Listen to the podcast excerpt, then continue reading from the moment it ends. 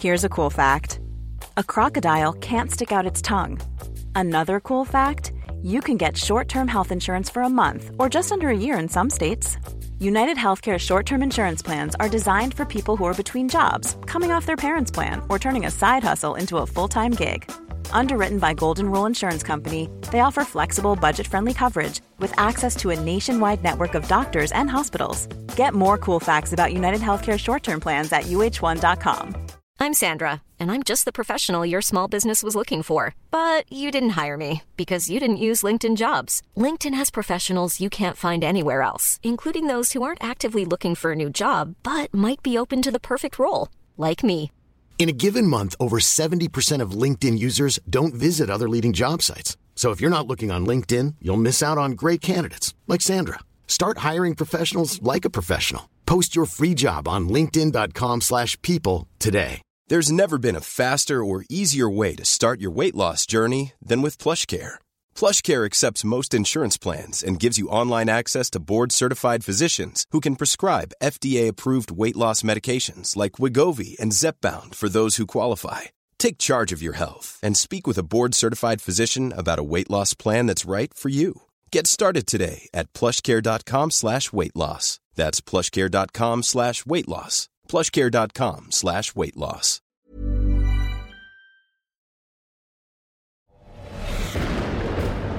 Macradion presenteras i samarbete med Kullander, din personliga Macbutik i Malmö och på nätet. Macradion presenteras också i samarbete med Microsoft.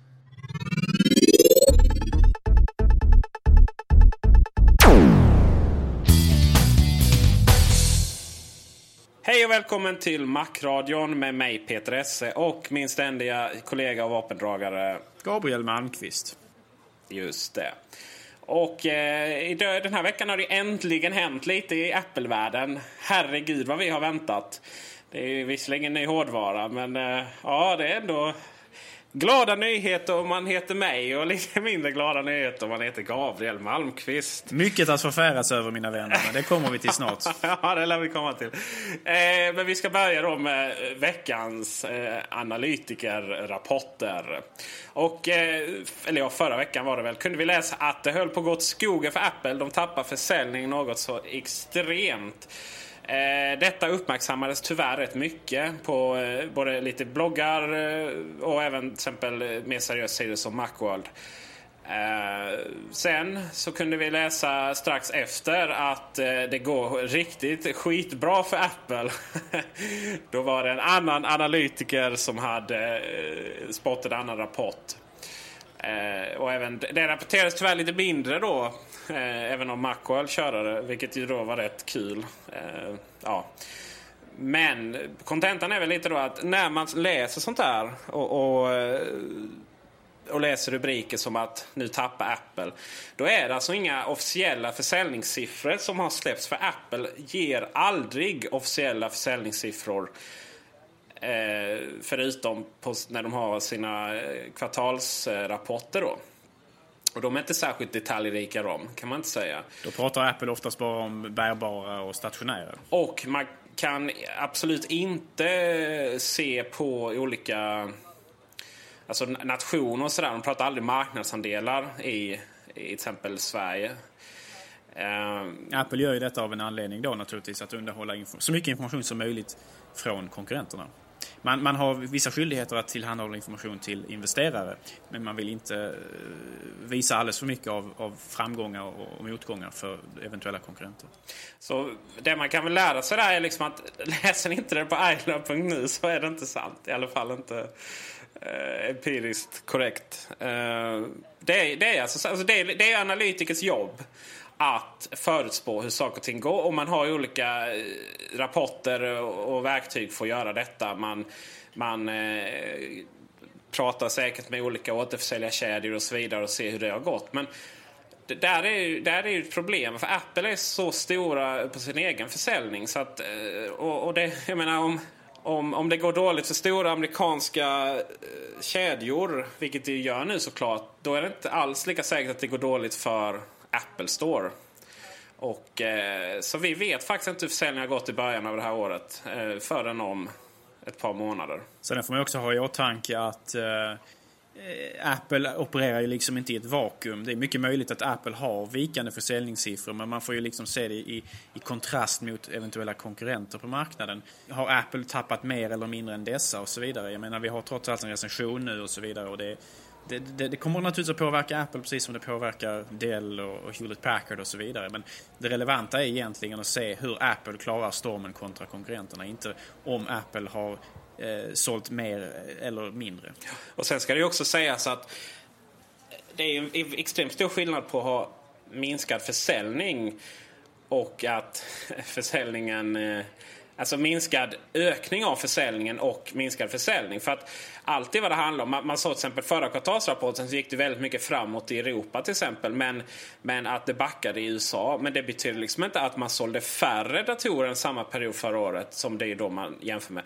Utan det är att ökningen av eh, liksom försäljningen och marknadsandelarna, de minskar. Det är viktigt att, att, att man gör den distinkta skillnaden. Om man överhuvudtaget är intresserad av hur tusan många miljoner datorer Apple säljer. Eh, I det stora hela så spelar det inte stor roll faktiskt. Vi kan vara ganska säkra på att Apple är på frammarsch. Eh, vi kan vara ganska säkra i vår egen användning att programmen inte försvinner och, och så vidare. Men, men vill, vill ni ha ert lilla datakrig på, på helgfesterna då eh, kan det vara bra att hålla, hålla koll på det när den lokala PC-muppen tar fram, tar fram de här argumenten.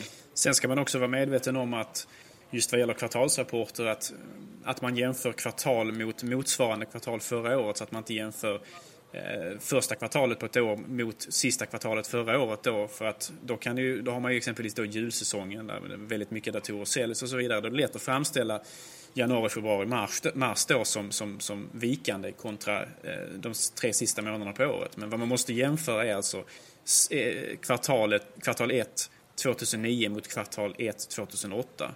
Eh, annars mm. är det lätt att bli vilseledd där och tro att att det, liksom, att, det, att det är fara och färde när det kanske faktiskt inte är det.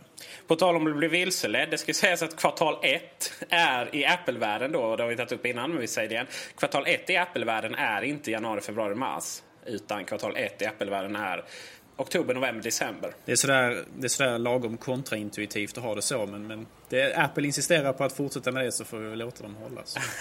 jag som eh, inte ens kunnat räkna ut min egen lön. Hade en diskussion om det där igår. Var, varför har man det så Gabriel? Bra fråga Peter. Jag har ingen aning men passar bollen tillbaks till dig igen. Alright, då kan vi säga, ta upp den sista eh, totala idiotanalysen då. Det var ju någon eh, som tyckte att eh, Apple, alltså Apple kommer inte släppa några nya datorer nu för det är ingen mening att släppa stationära datorer nu. Dels säljer de väldigt dåligt och dels är det då recession och därför så är det ingen mening att liksom utveckla nya modeller.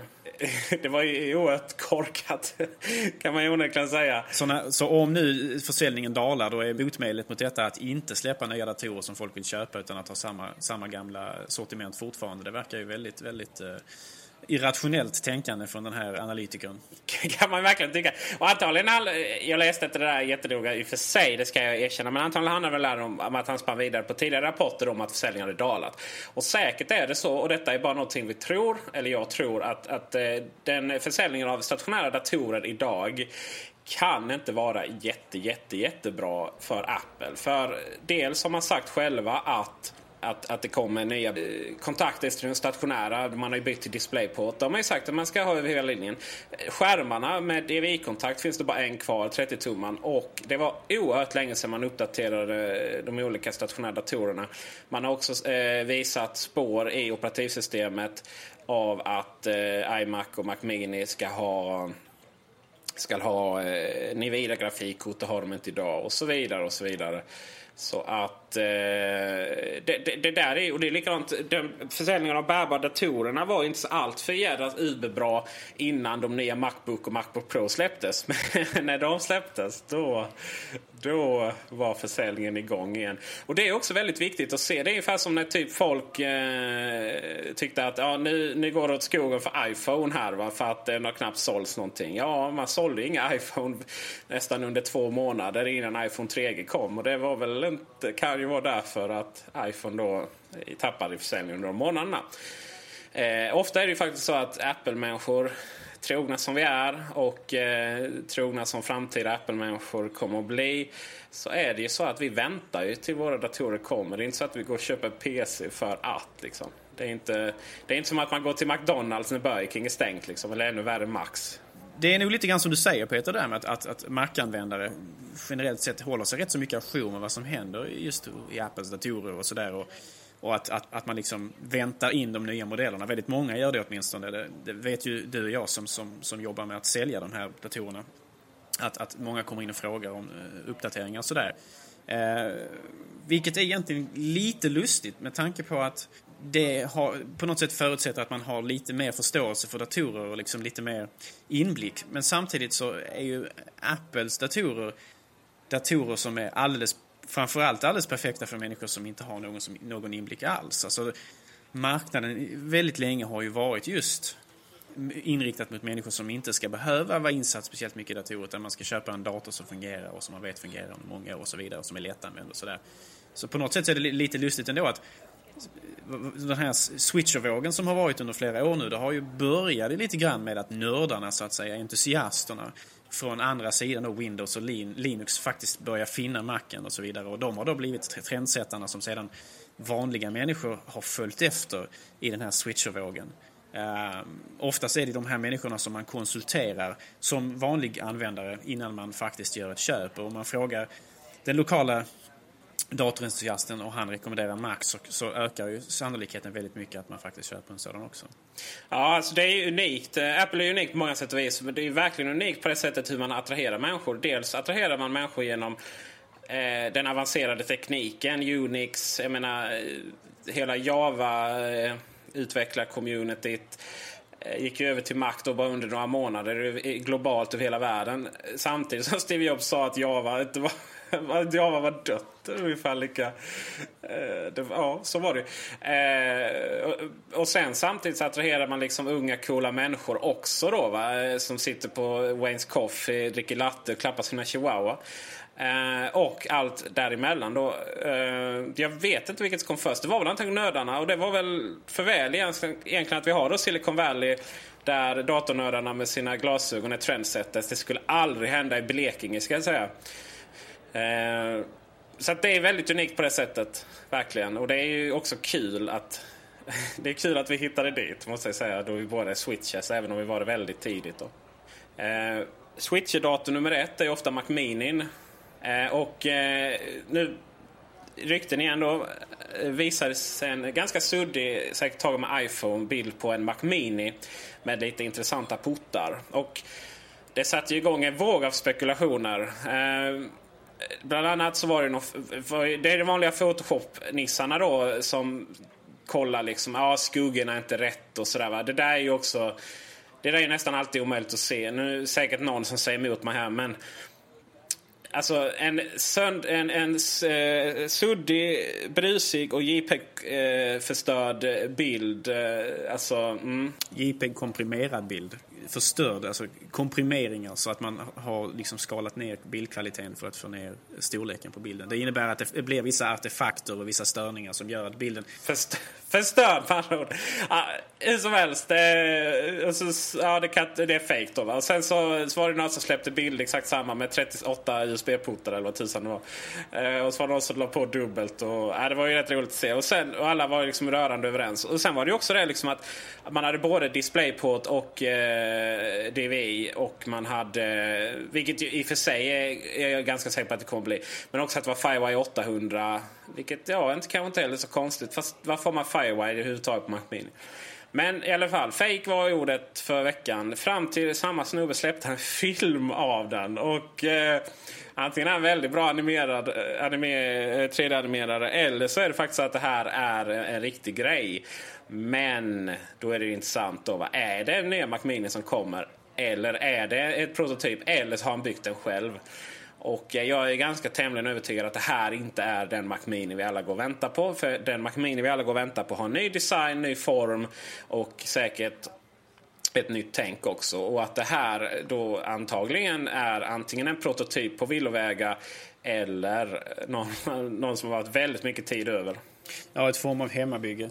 Det är väldigt sannolikt att eh, Apple faktiskt tar ett steget bort från den vita plasten som har identifierat Macar nu under väldigt lång tid med, ta med tanke på att man gjort det på eh, i princip alla andra datormodeller som man har till sitt förfogande. Att man har gått över till svart plast och, och aluminiumutseendet istället. Så att eh, förmodligen så är det väl så också att det, Mac Mini ska hamna där och det finns ju liksom ingen anledning, tycker jag åtminstone, att den, att den inte skulle hamna där denna revisionen. Eh, med tanke på att vi har väntat länge på den och eh, i princip att också marknadsförväntningar. Många förväntar sig helt enkelt nytt utseende nu och sådär. Och det tror jag vi säkert kommer få också. Mer eh, finns det väl inte så mycket att säga om den. Eh, folk, folk vill ha HDMI-portar, eh, pratar alla om. Men det där kommer ju aldrig komma. HDMI är ingenting som... Dels är det fortfarande en dator, även om många har kopplat den till tvn. Och eh, dels så är HDMI ingen standard som Apple anammar. Man har anammat DisplayPort och det har man gjort helt rätt. Eh, däremot så eh, bör det väl komma en händig adapter för det här ändamålet. Innan vi börjar diskutera kvällens, kvällens Innan vi börjar diskutera huvudämnet för, för dagen så ska vi uppmärksamma att Steve Jobs har fyllt 54 den här veckan. Grattis säger vi. Eh, hoppas att han lever för evigt. Eh, det uppmärksammades lite att han inte skulle närvara på Apples aktieägarmöte. Och det, blev faktiskt inte så, det kunde ju blivit hur stort som helst då. Liksom, slå stora trummorna att nu är det kört. Liksom. Men han är faktiskt sjukskriven. och ja, liksom. Vad, vad är problemet? Eh, mycket mer att säga om denna man finns det väl inte att säga. Utan vi går till den stora nyheten av att Safari 4 släpptes som betaversion bara för eh, några dagar sedan. Och eh, vi har hunnit testa den riktigt bra, både, både jag och Gabriel. Eh, och eh, jag vill väl att du börjar då. Ja, först kan vi börja med det positiva. Det finns en hel del positivt att säga om nya Safari faktiskt. Eh, WebKit. Eh, själva renderingsmotorn som, som arbetar i bakgrunden har ju fått väldigt, väldigt många förbättringar.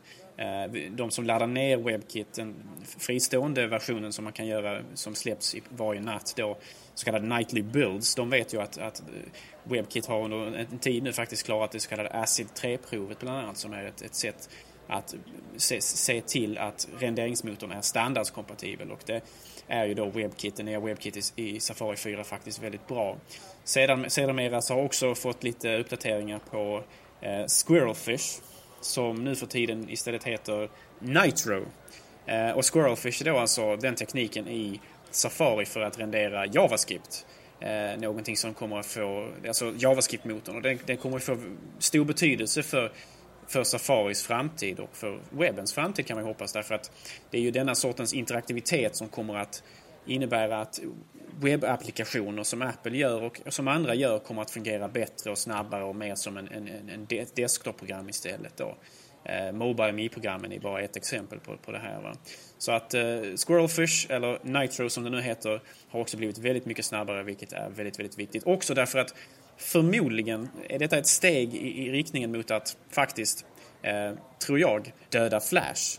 Eh, därför att JavaScript på många sätt möjliggör animationer och så vidare som, som annars skulle kunna sköts i Flash. Och det möjliggör det på ett sätt som är betydligt mindre krävande från eh, systemet. Och det är kanske inte så viktigt på Ehm, våra bärbara datorer eller på stationära datorer men det har väldigt stor betydelse exempelvis eh, i iPhone eh, och, diverse sådana mindre eh, mindre maskiner som har ändå behov av att använda de här funktionerna. Så att bakgrundsmässigt så tycker jag att mycket positivt har skett i Safari 4 och mycket, mycket, mycket trevliga nyheter överhuvudtaget. Negativt, för mig åtminstone, väldigt mycket negativt, är faktiskt användargränssnittsförändringarna. Jag är ingen stor anhängare av det nya sättet att använda tabbar längst upp i fönstret. Jag måste faktiskt erkänna en sak först och främst. Jag är ingen stor förespråkare av tabbar överhuvudtaget. Däremot så är jag en väldigt stor användare av dem, vilket kan tyckas vara något inkonsekvent. Men där är, så är det. Tabbar är i mina ögon något av en lösning som har som är i behov av att finna ett problem, åtminstone på Macen. På Windows eh, är, tabbar viktigare faktiskt än i Macen därför att det har att göra med fönsterhanteringen i operativsystemet och med tanke på att Macen oftast arbetar med många fler fönster eh, och man ska kunna dra och släppa mellan fönster och så vidare så kan jag tycka att tabbar faktiskt fungerar lite sämre på Macen eller åtminstone inte är lika viktiga att ha där. Men den nya implementationen av tabbar är jag väldigt, väldigt skeptisk till av flera skäl egentligen. Eh, Eh, rent visuellt då, om man ska vara ytlig här lite grann, så tycker jag inte det ser så jättebra ut. Men det är inte det som är det viktiga i det här fallet, utan jag tycker att här har man tagit en etablerad del av ett program, det vill säga den översta delen, listen längst upp, som man använder tidigare för att ha en titel på programmet, eller på fönstret, och eh, att sedan kunna dra och flytta på fönstret eh, i operativsystemet. Och nu har man då istället implementerat tabbar där uppe som både gör det svårare att flytta fönstret, inte omöjligt men åtminstone svårare. Eh, men samtidigt också så har man ju då tvingats, eller inte ta bort kanske, men åtminstone flytta var titeln på fönstret ligger. För att titeln i själva fönstret, i den aktiva tabben, eh, dess plats förändras ju med var någonstans tabben faktiskt ligger. Peter, ska du säga vad du tycker där? Ja, det där var väl lite av en uh, intressant... Första gången jag startade eh, Safari 4 så, så kände jag... jag fick, första känslan var att det här liknar ju Firefox. Och det var väl inte så mycket för att det faktiskt liknar Firefox utan mer för att det har blivit något plottrigare. Eh, vilket då tabbarna har, är en del av då. Liksom. Att det krävs, det krävs, även om man inte har någon tab uppe så har man då liksom längst upp till höger ett litet plus. Va? Man har, där har det kommit en ny ikon och sen så har det kommit lite andra grejer. Så det här plötsligt kändes det liksom lite rörigare då. Tabbarna kommer ju ursprungligen faktiskt från Google Chrome, den här eh, webbläsaren som, som, som Google nu har släppt. Som då bland annat tävlar med Firefox och Safari och sådär. Så konceptet kommer därifrån då, även fast man, precis som du säger, jag håller helt och hållet med där, att det känns mer Firefox över den här versionen av Safari och det är inte på ett positivt sätt. Nej, det är verkligen inte. Men, eh, och sen, så, sen har det där, det där med tabbarna då längst upp har, har blivit en... Eh, vad ska man säga? Alltså den normaliseringsprocessen. Eh, först tyckte jag det var jättefult, jättekonstigt. Och jag är väl benägen att hålla med om att det fortfarande ser fult ut. Tycker jag. Eh, faktiskt. Men samtidigt så blir det ju mer plats över till webbsidan. Även om jag alltid förespråkar form före funktion. Men det, det positiva är ju att, att, eh, att det blir mer plats över. Men det är fortfarande liksom konstigt. Eh, sen då så kom ju känslan av att men det är ganska naturligt att ha dem där uppe ändå all pedagogik i datavärlden handlar någonstans om att man har någon så relation till verkligheten. Då. Till exempel man har papperskorg, man har virtuell papperskorg, man har skrivbord och så vidare. Just när det kommer till tabbar då så, eh, så är det ju lite av att ha liksom ett sånt där dokumentskåp och sen så eh, så, så bläddrar man där liksom via, via tabbarna. Och, och, och, då känns det mer logiskt när man tänker så att man har dem där uppe faktiskt. Eh, sen, så, eh, sen, sen, så är det ju så att man, man, man har liksom slått två flugor i en smäll och antingen är det dåligt eller bra. För om man trycker på en tab här och håller inne musen då flyttar man fönstret. Då aktiverar man inte en tab eh, i dock. Liksom. Så man försöker ha kvar lite av det, det gamla bra. Eh, det har ju också varit lite förvirring för att om man ska flytta en tab eller liksom skapa en tab eh, från ett, ett, så att det blir ett eget fönster. Då, då får man dra i den här lilla Eh, det finns lite streck längst upp till höger som nästan ser ut som en RSS-ikon då. Eh, då får man använda den för att flytta eller dra ut den till ett eget fönster. Och, och där, men där är ju problemet, då blir det ju igen mer plottrigt då. Ja, vi kan börja med din första kommentar där om att eh, tabbarna känns mer naturliga vända neråt istället för uppåt. Det där var en vanlig kritik av de tidigare Safari som vi kände då, tab-implementationen i denna att just att man, Apple hade ju faktiskt gjort det. De ursprungstabbarna då som fanns i, i, Firefox och så vidare. De, de hade det här utseendet fast som satt längre ner i fönstret. Att de, att de liksom startade eh, med basen ur dokumentfönstret och sen så arbetade de sig uppåt eh, för att visa liksom innehållet eller titeln. Och eh, vad Apple gjorde då var att man vände dem upp och ner. Så att, det kan inte många som tänkt på det när de arbetade med, med tabbar i det gamla Safari. Men de, de satt liksom inte fast i dokumentet utan snarare då i, i kontrollfönstret längre upp eller i, där vid knapparna sitter. Vilket var lite kontraintuitivt, det håller jag helt och hållet med om. Eh, vad gäller den här eh, flytta, eh, flytta tab, eh, själva symbolen som, som möjliggör att, att flytta tabbar. Eh, den är också väldigt olycklig därför att det är, det, är en, det, är egentligen inte så mycket lik en, eh, så, så väldigt lik RSS-symbolen skulle jag säga som det faktiskt är lik, lik den symbolen som sitter längst ner i högra hörnet på de flesta Mac-fönster för att göra fönstret mindre och större. Det är ju en sån, sån symbol fast vänd på, på sidan som, som man har satt Hiring for your small business? If you're not looking for professionals on LinkedIn, you're looking in the wrong place. That's like looking for your car keys in a fish tank. LinkedIn helps you hire professionals you can't find anywhere else, even those who aren't actively searching for a new job but might be open to the perfect role. In a given month, over 70% of LinkedIn users don't even visit other leading job sites. So start looking in the right place. With LinkedIn, you can hire professionals like a professional. Post your free job on linkedin.com slash people today. Wow. Nice. Yeah. What you're hearing are the sounds of people everywhere putting on Bombas socks, underwear, and t-shirts made from absurdly soft materials that feel like plush clouds. Yeah, that plush. And the best part? For every item you purchase, Bombas donates another to someone facing homelessness. Bombas. Big comfort for everyone. Go to bombas.com slash ACAST and use code ACAST for 20% off your first purchase. That's bombas.com slash ACAST. Code ACAST. Där uppe och det är lite förvirrande därför att den är man normalt sett van att den ska liksom göra någonting större eller mindre.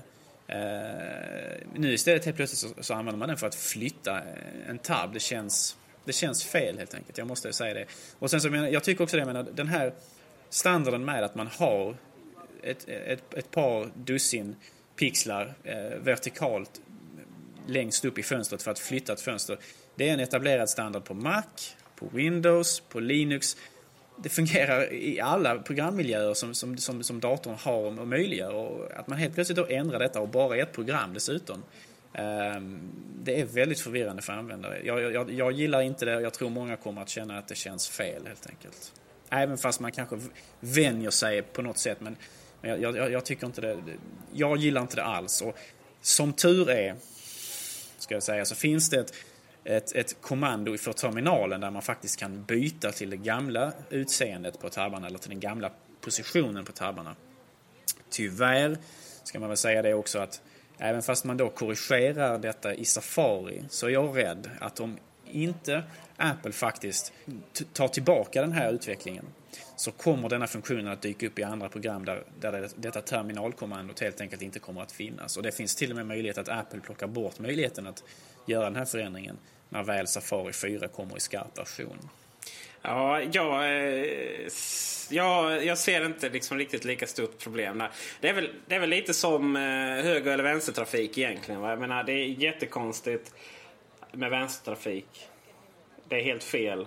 Ja, fast jag håller inte med där för att när, när man, bytet från vänster till högertrafik det var liksom ett standardiserande eh, över världen. Där de, många andra länder hade detta redan och så vill man standardisera det. Och nu idag finns det inte så många länder som har vänstertrafik längre. Eh, Medan det här är precis tvärtom. Den här översta delen av fönstret har som jag sa, på alla andra plattformar alltid varit att flytta fönstret och att ha fönstrets titel, ingenting annat. Nu gör Apple snarare byte från höger till vänster trafik eh, mot alla andra standarder som faktiskt är etablerade. Nu rånmördade du min metafor här känner jag. eh, nej, men eh, problemet för mig är väl, eh, jag gör inte riktigt lika starka analyser av användbarhet som du gör alls. Utan mitt problem är väl att bara att det känns konstigt. Men det är, det är lite som, ska jag hitta en metafor som du inte kan ta sönder här. Det är lite som när de nya iMacarna kom, liksom vadå svart och aluminium. Och eh, nu så känns det jättenaturligt. Kommer från gamla iMacarna så är det hur fult som helst. Liksom. Eller dator utan svart tangentbord, det är det bästa som finns.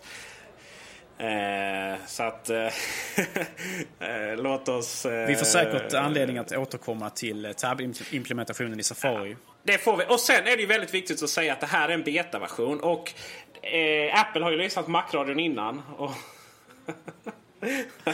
ja, just det. Så många, så många gånger vi har tagit upp att Windows-versionen ser eh, för mackig ut.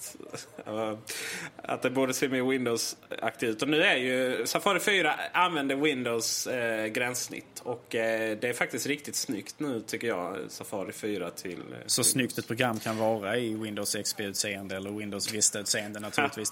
ja, Windows Vista-versionen var ännu bättre. Med de naturliga begränsningarna i åtanke så kanske man kan tycka det. Det ser helt klart bättre ut och det ser ut att vara ett program som hör hemma på Windows Windows-plattformen och det måste jag, måste jag säga att det är applåderat att Apple faktiskt har tagit sig samman och gjort ett program som gör. Jag tror inte jag tror inte att den utvecklingen kommer att sprida sig även till typ Quicktime Player och eh, iTunes i Windows.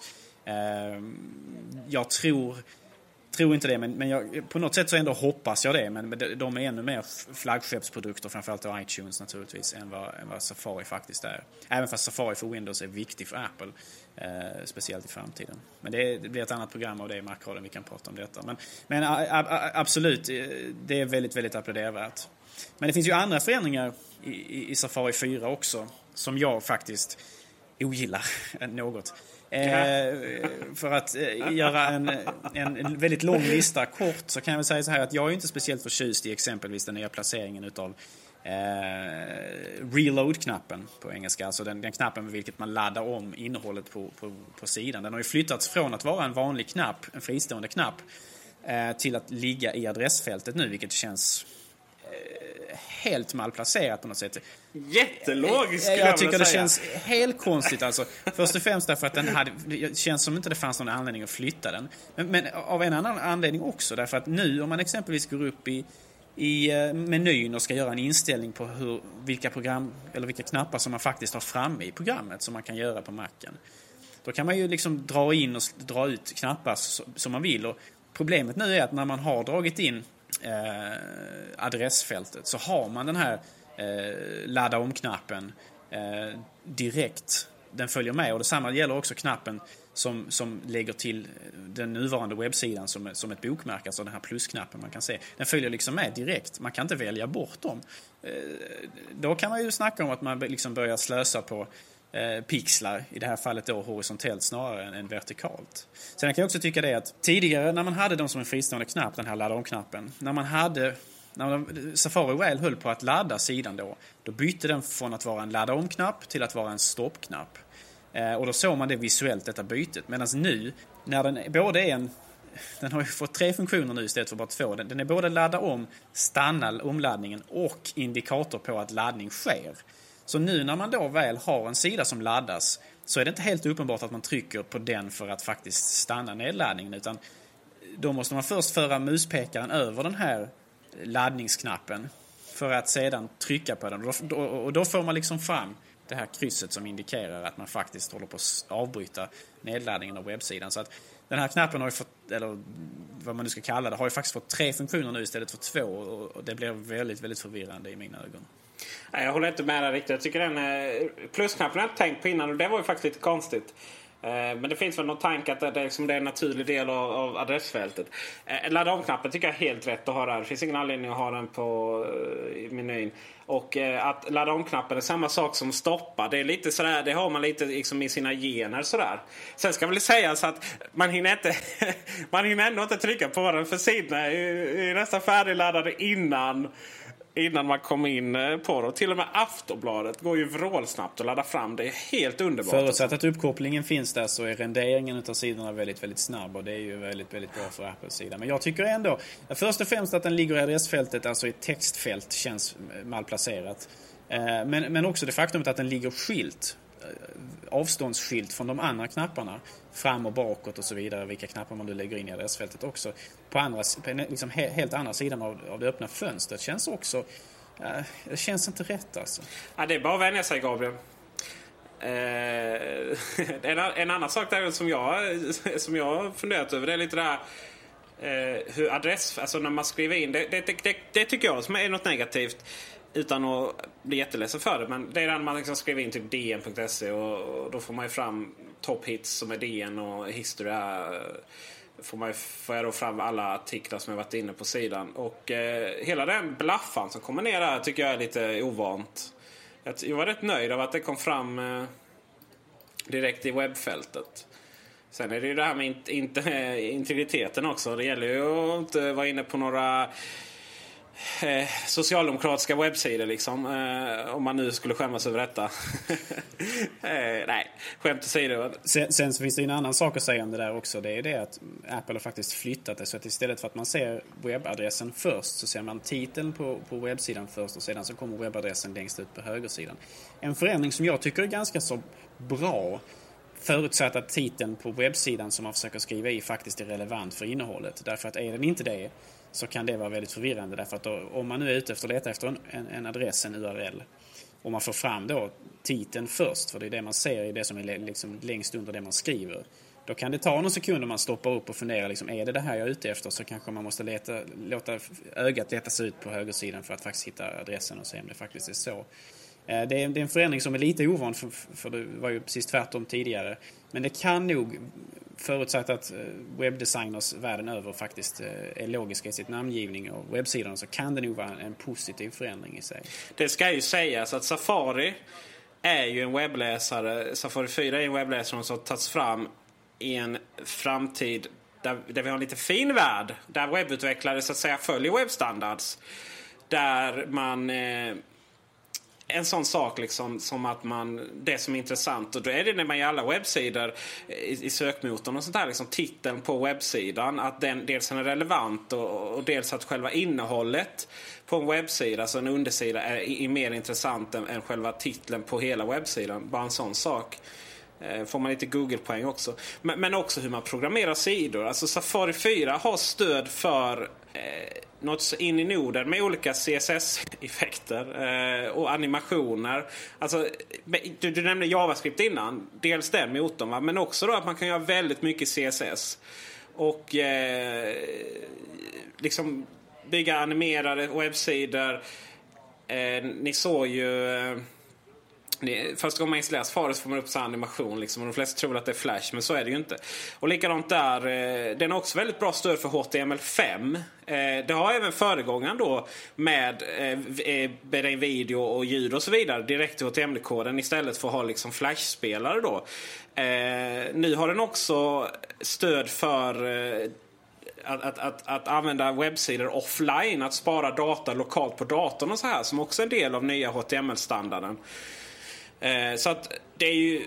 Hade Safari 4 varit en, eh, en, en, en dator så hade, hade, hade det varit en 25-kärnig eh, processor och en, eh, hade vägt eh, 5 hekto och eh, varit jättestor skärm och jätteliten dator. Äh, men, ni förstår vad jag menar. Så det är riktigt trevligt att, att, att det ligger i framkanten och förhoppningsvis så, så kommer det också locka Windows-användare eh, något så in i Norden.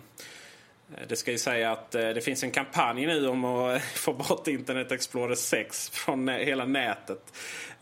Som då Internet Explorer 6 är väl då mot, totala motsatsen till Safari 4. Ja, visst. Och det får vi hoppas att de, att de lyckas med också.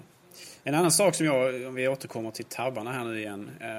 En annan sak som jag kan tycka är problematisk med tabbarna. En estetisk sak. Det är det faktumet att de använder ett helt annat typsnitt än, än, än andra eh, liksom tit, titlar i andra program och så vidare. Alltså det känns helt konstigt. Jag vet faktiskt inte vad det är för typsnitt. Jag vet inte om du känner igen det Peter. Men det är i alla fall ett annat typsnitt än vad man använt tidigare. Eh, kanske för att det här tar mindre plats och så vidare. Man får plats med mer text. Det är möjligt att man gjort en sån avvägning och så vidare. Men det känns lite främmande i markmiljön det också. Sen så gillar jag inte det faktumet heller att, att när man klickar på en... Om man har väldigt många tabbar öppna. Om man klickar på en tab. Så, så den tabben man, man klickar på eftersom den måste kunna, måste kunna visa hela titeln eller så mycket av titeln på sidan som möjligt så, så expanderar den, den blir större. Och då komprimeras de andra omkringliggande tabbarna väldigt, väldigt mycket. Och helt plötsligt så blir tabbarna väldigt, väldigt små och det blir väldigt, väldigt lite klickyta kvar att hämta fram andra tabbar med istället för att då exempelvis klicka på knappen för att stänga eller för att flytta tabbar. Så att återigen, det är också en kritik som jag måste säga att det nya, nya tabbsystemet fungerar sämre än, än det förra. Och framförallt så innebär det också att man längre titlar på webbsidor helt enkelt inte får plats om du använder tabbar därför att eh, tabbarna kan bara vara viss storlek och sen så är det inte mer. Medan tidigare så var ju faktiskt hela webbläsarfönstret till förfogande för att faktiskt visa upp titlar på hemsidor. Eh, Gabriel, du, det är inte Safari som ska anpassa till dig. Det är du som ska anpassa dig till Safari. Du får visa mindre sidor, köpa större skärm. du, har, du har verkligen en poäng där. Eh, och eh, just utseendet så, så, finns det lite andra nyheter som jag är så väldigt intresserad av att se vad du, vad du tycker där. Jag älskar ju till exempel Topsites. Eh, just att, att det är också så smart med den här lilla... Eh, dels är det skitsnyggt och det är verkligen Det är verkligen så jag skulle vilja ha liksom ett användargränssnitt typ Eh, i köket eller något. Liksom. Alltså, man ser så här liksom, ja, men de senaste nyheterna liksom, ge mig. Eh, för här är, det, här är det sådär att många vet inte vad den här stjärnan... Det finns en stjärna på vissa sidor längst upp i högra hörnet. Och det är som det har kommit någonting nytt på den sidan sen sist man var inne på den. Eh, vilket är helt briljant för när man tar upp en ny tab då ser man ju den här Topsites i, i bakgrunden då. Eh, så, så ser man att ah, det är något nytt liksom. Eh, nu, nu, nu är det ännu en nyhet eh, om, om prinsessan eh, Victoria och, och Daniel. eh, gå med i Republikanska föreningen. Eh, ja, i alla fall. Och jag känner att eh, politiken kryper allt längre och längre in i markradion för varje program som går. Jag, mina, våra royalistiska lyssnare får helt enkelt ursäkta Peter en sista kommentar där. Ja, jag får, ber om ursäkt för detta. Eh, min sambo följer det här väldigt mycket kan jag säga. Jo, då kan man helt förvirra sig bort i, i, att, i, i nya nyheter på iLove istället, eh, istället för att gå till den sida man vill. Men Ja, det är riktigt nice faktiskt. Eh, det har gjort att jag surfar in på, på DN och Sydsvenskan i mitt fall mycket, mycket oftare. Däremot verkar det inte funka på Aftonbladet. Eh, faktiskt, det har jag inte sett någon, någon stjärna på. Och, och, men framförallt är det ett oerhört snyggt system. Och här är det faktiskt att utseende och funktion, eh, att det går ihop med varandra. Det är inte bara utseende. Och det finns faktiskt en annan sak som gör det också. Det är ju bokmärkena Eh, att det är då coverflow. Och att hitta... Förut har det ju varit ganska omöjligt nästan att, att, att hitta sidor i sin historik. Man vet hur den ser ut. Man vet inte riktigt vilken sida det var. Liksom, eller sådär, va? Eh, och då är det faktiskt oerhört smidigt att bläddra igenom eh, de här som coverflow. Så där, där är ytterligare en sak som är eh, där form och funktion går hand i hand. Jag håller helt och hållet med om din analys där Peter. Just de funktionerna är faktiskt väldigt, väldigt bra och väldigt, väldigt väl mottagna. Och det har dessutom gjort Safari till ett vackrare program att titta på och elegantare att använda, vilket ju alltid är väldigt positivt. En annan sak med Safari som, som man kanske inte noterar direkt den nya Safari 4, det är faktiskt att fönstret, alltså själva den här liksom gråa texturen i bakgrunden, har blivit lite, lite ljusare än de andra fönstren som vi har i MacOS 10. Eh, Eh, man noterar inte det direkt men man, man, om man sätter dem sida vid sida så ser man faktiskt att så är fallet. Och då kan man naturligtvis fråga sig om detta då är någon slags förändring som på något sätt eh, kommer att faktiskt finnas i nästa version av Macros 10, det vill säga eh, Snow Leopard. det är någonting som vi naturligtvis får låta framtiden utvisa. Ja, alltså det kan jag tycka är lite synd för att jag, skulle, jag gillar ju Spotify-utseendet, det där mörka, härliga. Men gärna med lite kontraster då. Så att, eh, men det, men det, som är, det som är intressant med hela Safari-grejen är ju dock att undra Dels utseendemässigt och dels alltså med tabbar, inklusive tabbar och, och, och det här lite ljusare. Eh, och även liksom hela, hela beta-grejen. Är det här så att säga den första, det första av Snow Leopard som vi ser? Eh, kommer vi få se en äkta version av, av Safari innan innan eh, Snow Leopard. Vad tror du där? Svårt att säga. Eh, alltså, den här, att det, att det är beta tror jag har att göra med att Apple har lagt till en del kontroversiella funktioner då, framförallt kanske tabbarna då, att man helt enkelt vill få feedback på detta. Eh, och om bara tillräckligt många ger negativ feedback på detta så kanske Apple faktiskt ändrar sig och, och, och, och blir sansade igen vad det gäller användargränssnittet. Det är en uppmaning till alla där ute. Eh, som håller med mig naturligtvis. Eh, vi får väl se om det faktiskt är så. Eh, men eh, ja, eh, lite, alltså jag är lite, tycker det är lite konstigt exempelvis att, att om nu Apple vill visa upp eller om man liksom har lagt in vissa delar av, av Leopards nya utseende i Safari, då bland annat att man kanske gjort de här bakgrunderna ljusare då. Eh, då är det lite konstigt att de här geléknapparna fortfarande lever kvar. Som man ju faktiskt plockat bort i både iLife sviten och i, i, alltså i iTunes då och eh, som, som på något sätt känns som de är på väg ut ifrån Mac-plattformen. Så de har ju inte hamnat i, i Safari exempelvis. Så att, I så fall har man valt väl valda delar och, och ignorerat andra vad gäller just att lägga till det nya utseendet. Ja, men så kan ju förstås vara. Mm, ja, det är väl väldigt troligt. Men vi får väl, vi får väl se om Safari är liksom det som visar vägen utseendemässigt. Ja, det kommer en komplett genomgång av Safari på ilove.nu eh, väldigt snart.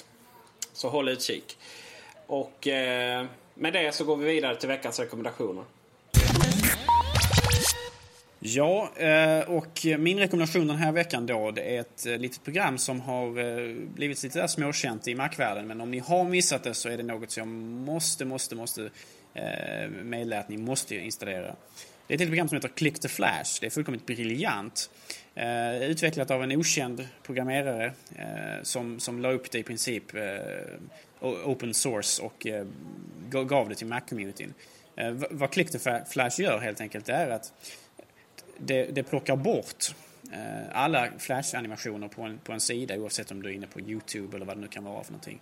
Och sedan så visar den en liten, liten en, vad kan man säga, en liten bild att det här är en flash Eh, animation oavsett om det så är ett, ett, en film på Youtube eller om det är en reklambanner eller vad det nu kan vara för någonting. Som, som möjliggör att man kan klicka på denna för att starta Flash-filen. Vilket är väldigt, väldigt smidigt därför att då har man alltså en, en möjlighet att selektivt starta flashfiler istället för att då om man går in på aftonbladet.se eller vad det nu kan vara om man har jättemånga animerade eh, reklamfilmer och sådär.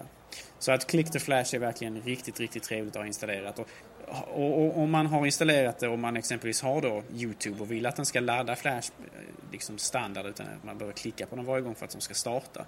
Då kan man genom att genom att högerklicka på eh, click to flash-bilden då eh, möjlig, välja att, den ska, att en sajt då exempelvis youtube.com ska hamna på en så kallad whitelist, alltså en lista över sajter som, som laddar eh, flash-animationer från början. Medan då alla andra sajter, deras flash-animationer pausas till det att man väljer att starta dem via ett klick. Klick to flash är alltså väldigt, väldigt bra, väldigt, väldigt trevligt och fungerar jätte, jättebra att använda tills eh, Safari tagit över världen och eh, Flash är dött.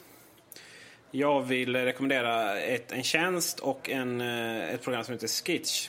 Där man eh, kan väldigt enkelt ta en skärmdump hur man vill. Man kan rita lite på den och så vidare. Så trycker man på upload och så laddas den upp på just eh, den här tjänsten skitch.com.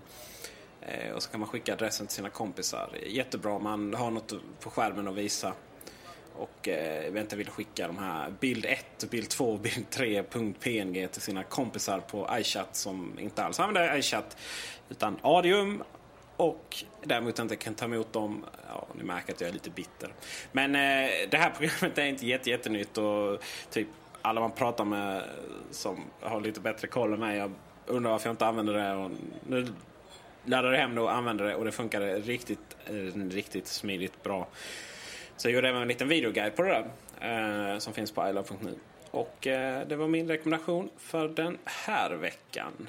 Och eh, nästa gång vi återkommer så kanske vi har mer eller mindre grejer att reta oss på Safari. Förhoppningsvis så kanske vi har en, någon form av hårdvara att spekulera om. Eller prata om. Och, eh, men det, det är nästa vecka. Och med detta så vill vi naturligtvis tacka för oss. Vi vill också tacka er för att ni har lyssnat den här veckan och samtidigt vill vi också passa på att tacka våra sponsorer Microsoft och Kullander. Och vår kära, kära redigerare Andreas Nilsson och eh, som också står bakom all skön musik som ni hör nu. Ha det bra, hej!